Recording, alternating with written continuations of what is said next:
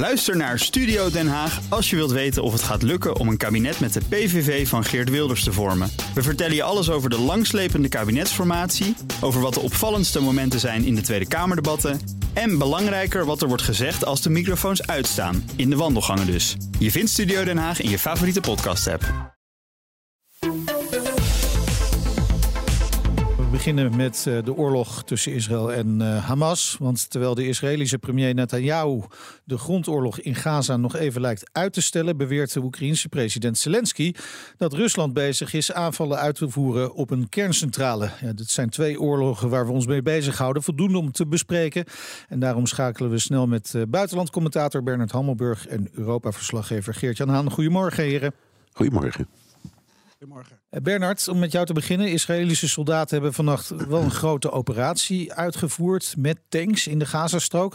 Grootste sinds het begin van de oorlog. Laten we even luisteren naar wat uh, er uh, op de media wordt vermeld daarover. We just got confirmation by the IDF spokesperson Unity in which they said that uh, a combined force of tanks and infantry Givati brigade made an incursion into uh, the, the, the, the, Gaza Strip in order to uh, prepare the battleground for a further in-depth incursion of the IDF inside the Gaza Strip. Ja, Bernard, voor de duidelijkheid, dit is Israëlische televisie uh, over dus die operatie van vannacht. Wat weten we erover?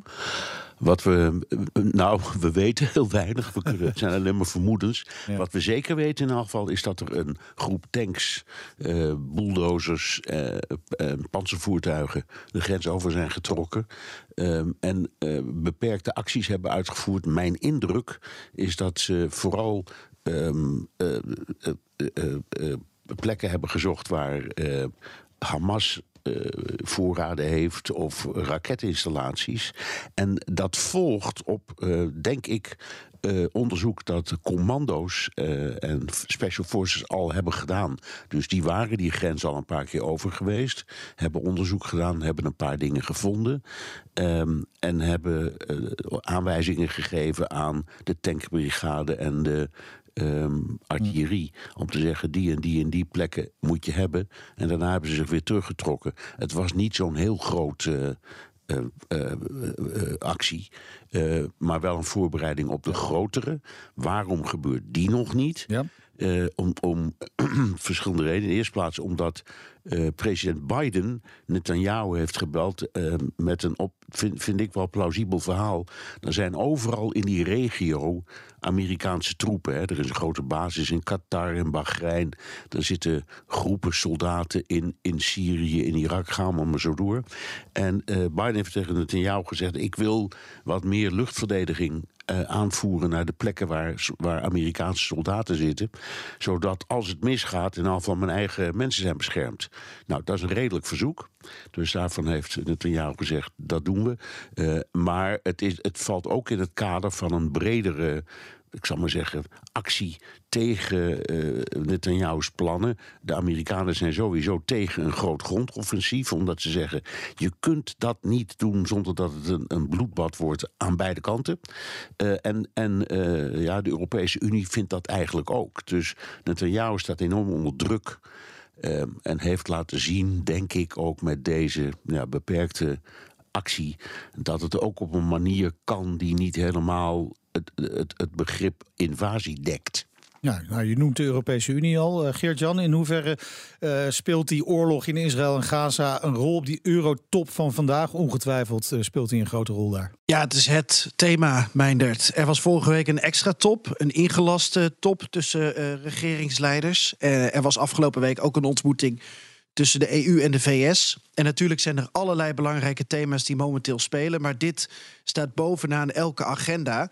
Aan de ene kant geef ik Bernard gelijk. En de EU heeft een duidelijke opvatting. Namelijk, we moeten uh, ja, zorgen dat er zo min mogelijk burgerslachtoffers uh, vallen. Aan de andere kant is er heel veel discussie binnen die EU. Um, heel veel semantische discussies. Waar het vandaag en morgen over gaat. Uh, jullie hebben ook met collega Stefan de Vries gesproken. Uh, vandaag en morgen gaat het over de humanitaire hulp richting Gaza. En het gaat over dat dit niet verder escaleert. Zowel in de regio als naar Europa toe. Maar er is een semantische discussie ontstaan over of de escalatie of de-escalatie uh, pas mag plaatsvinden nadat Israël een grondoffensief is gestart of niet. Um, nadat hmm. het een um, meer. Uh, inzicht heeft, of hoe zeg je dat met een mooi woord, meer uh, oog heeft voor de humanitaire situatie van Gaza um, of ervoor. Um, om je een voorbeeld te geven, je hebt landen als Duitsland die onvoorwaardelijk achter Israël willen staan om historische redenen. Maar andere landen als uh, Ierland en Spanje die zeggen nee, we moeten juist de Palestijnen nu ook steunen. Uh, en een Oostenrijk dat zegt: Nou ja, we zijn vooral bang dat dit naar ons land overslaat. En dat wij dus hier Hamas krijgen. Um, zo hoorde ik zelfs een hmm. EU-diplomaat zeggen. Dus er zijn allemaal verschillende angsten die meespelen. En dat zorgt ervoor dat um, de Europese Unie wel vandaag eenheid probeert uit te stralen op die top. Maar er achter de schermen eigenlijk geen eenheid is. Ja, het is wel even wennen hè, dat Oekraïne niet meer het belangrijkste onderwerp is van de EU-top. Staat het nog wel op de agenda, de oorlog in Oekraïne? Het staat zeker op de agenda. En uh, de Italiaanse premier Meloni die heeft ook gezegd de steun aan Israël kan en mag niet ten koste gaan van de steun aan Oekraïne. Misschien kunnen wij daar een goed voorbeeld aan geven. Door uh, niet uh, nu al ja, drie weken te benadrukken dat Oekraïne ook belangrijk is. Maar we moeten het als, aan de ene kant als een losse oorlog zien. Aan de andere kant zal Bernard, denk ik, zo wel wat aangeven over hoe ze daar in Amerika naar kijken, waar ze die oorlogen met elkaar verbinden. Maar goed, er gebeurt wel een heleboel momenteel in Oekraïne waar we oog voor moeten hebben. Al is het maar, en dat zal op de EU-top besproken worden, uh, omdat de productie van munitie niet volgens Europees plan belooft. Europa heeft 1 miljoen kogels beloofd aan Oekraïne. Die moeten er in maart zijn. Uh, dat hebben ze afgelopen maart beloofd. Dus een jaar de tijd om 1 miljoen kogels aan Oekraïne te leveren. Ja, met het verstrijken van de tijd zitten ze op 30% volgens Bloomberg. Die hebben gekeken naar de contracten. Dus dat gaat weer trager dan de bedoeling is.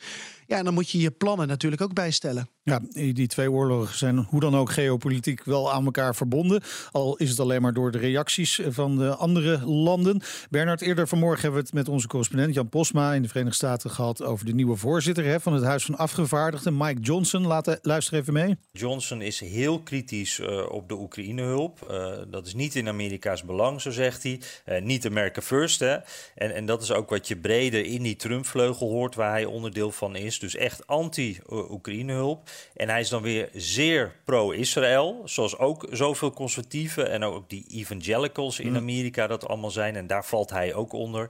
En uh, je zag dat meteen ook aan zijn eerste stemming. De eerste stemming die onder hem plaatsvond, die was symbolisch, maar toch, die ging over Israël. En daarin werd vastgelegd dat Amerika er alles aan zal doen om Israël te helpen om Hamas te stoppen. Dus dat is heel duidelijk. Maar uh, er zit nog wel een, een, een kink in de kabel voor de toekomst. Want als het gaat om dat hulpgeld voor Israël en, en Oekraïne. Daarvan heeft president Biden gezegd: ik stop dat bij elkaar in een pakketje met ook nog geld voor Taiwan en de hmm. Amerikaanse grens. 110 miljard dollar moet dat uh, dan worden. Het huis moet dat nog gaan goedkeuren. En ja, Johnson die ziet dat niet zitten. Die gaat waarschijnlijk proberen om die pakketten uit elkaar te trekken. Ja, Bernard, ja, die steun voor Israël, die, die, uh, die komt wel van de grond hè, vanuit de Verenigde Staten. Die is wel uh, zeker gesteld. Maar ja, in Kiev zal zich, zullen mensen zich toch wel wat zorgen maken. Ja, en ik denk ook wel terecht. Nu is daar het laatste woord nog niet over gezegd. Maar het is wel erg, zoals Jan ook zegt, wel heel symbolisch dat ongeveer de allereerste handeling die het congres of het huis doet op het moment dat ze weer een zitting hebben, na al die tijd een, een soort van motie is ter ondersteuning van Israël. Praktisch, denk ik, gaat het betekenen dat ze gaan onderhandelen over het opsplitsen van dat bedrag wat Jan noemde, van over de ja. uh, 10, 100 miljard dollar die gereserveerd zou worden in het plan van Biden. Um, en als je naar dat plan kijkt, dan dan zie je dat, um, dat voor Oekraïne echt wel een probleem zou zijn. Want zeg maar grofweg 20 miljard daarvan zou voor Israël zijn. Dat is en, en iets van 80 miljard of zo voor Oekraïne. Dus de, in, in de begrotingsopbouw en de argumentatie van Biden kun je duidelijk zien dat de regering zich uh, grotere zorgen maakt om Oekraïne dan om Israël. Om verschillende redenen. Israël heeft al een hoop. Uh, is, er is bovendien een soort contract tussen Israël en uh, Amerika dat het altijd de Israëlische wapens zal aanvullen en dat soort dingen. Dat loopt, dat bestaat, dat blijft bestaan. Maar bij Oekraïne is, is dat veel minder uh, vanzelfsprekend. Dus ja, ik zie hier ook wel uh, echt een behoorlijke beer op de weg. Ja, tot slot Geert-Jan, nog even naar die oorlog in Oekraïne zelf. Hoe, hoe is de stand van zaken? Ja, hoe moet je dat nou samenvatten, Meindert? um, weet je, uh, er zijn aan de ene kant geen grote ontwikkelingen aan het front. Uh, aan de andere kant wordt er wel ontzettend hard uh, gevochten. bijvoorbeeld bij Avdivka, bij Kupiansk, ik noem maar een paar dingen. Um, er zijn volgens Oekraïne inmiddels bijna 300.000 Russische doden. En daar zou je dan ook nog eens honderdduizenden gewonden bij kunnen optellen. Kunnen we niet verifiëren, maar zijn immense aantallen. En dan zien we verder berichten zoals dat Oekraïnse piloten inmiddels begonnen zijn aan hun F-16 vliegtraining in Amerika, in Arizona. Er is ook een opleidingscentrum in Roemenië, maar dat is nog niet helemaal van de grond uh, gekomen. Uh, maar in, in, in, Amerika vliegen ze al wel. Daar hebben ze dus ook Engelse taaltraining gehad in Texas. En nu beginnen ze aan die cursus in Arizona voor een periode van zes maanden. Ja, tegelijkertijd zegt Oekraïne, we hebben Bakhmut onder vuurcontrole, we hebben de Krim onder vuurcontrole. Dus Oekraïne lijkt het initiatief te hebben, maar je moet de klus uiteindelijk wel kunnen klaren. En daar heb je heel veel mensen voor nodig, uh, bereid zijn om, om die op te offeren. Maar ook munitie en uh, blijvende steun van uh, Amerika en Europa. En ja, deze update is wat dat betreft niet de vrolijkste update voor nee. Kiev om naar te luisteren. Nee, maar heel even dan toch nog over eh, beschuldigingen vanuit uh, Zelensky dat Rusland eh, de aanval zou hebben uh, gericht op een kerncentrale in het midden van het land. Wat weet je daarvan? Daar weet ik van dat er uh, sowieso uh, inderdaad in die buurt van die kerncentrale in Khmelnytsky uh, aanvallen zijn geweest. En dat er een, een drone is neergeschoten en dat er Um, ja, resten van die drone, uh, onder andere geloof ik op het administratieve gebouw van die kerncentrale zijn neergekomen. Uh, Zelensky beweert dit. Uh, ik wacht nog op verificatie van, van grotere bronnen. Het was wel een beetje een stressvol dagje gisteren, want er waren ook nog vanuit Rusland um, ja, simulatie van nucleaire aanvallen uh, in eigen land. Hebben ze die uitgevoerd? Dat doen ze natuurlijk dan niet met, zelf met kernkoppen. Maar ze proberen uh, ja, te laten zien, ook richting de rest van de wereld, wat ze in hun mars hebben. Maar tot nu toe zijn het vooral incidenten waarbij ik uh, ja, benieuwd ben hoe eh, onafhankelijke. bevestiging hiervan laat zien ja, hoe ernstig het daadwerkelijk is. Dus even een beetje, een beetje terughoudendheid erin. En dank bij de heren buitenlandcommentator Bernard Hammelburg en Europa-verslaggever Geert Jan Haan.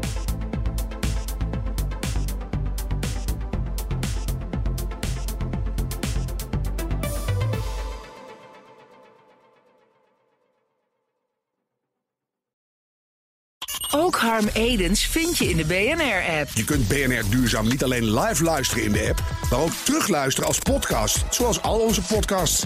En naast dat de BNR-app Breaking News meldt, houden we je ook op de hoogte van het laatste zakelijke nieuws. Download nu de gratis BNR-app en blijf scherp.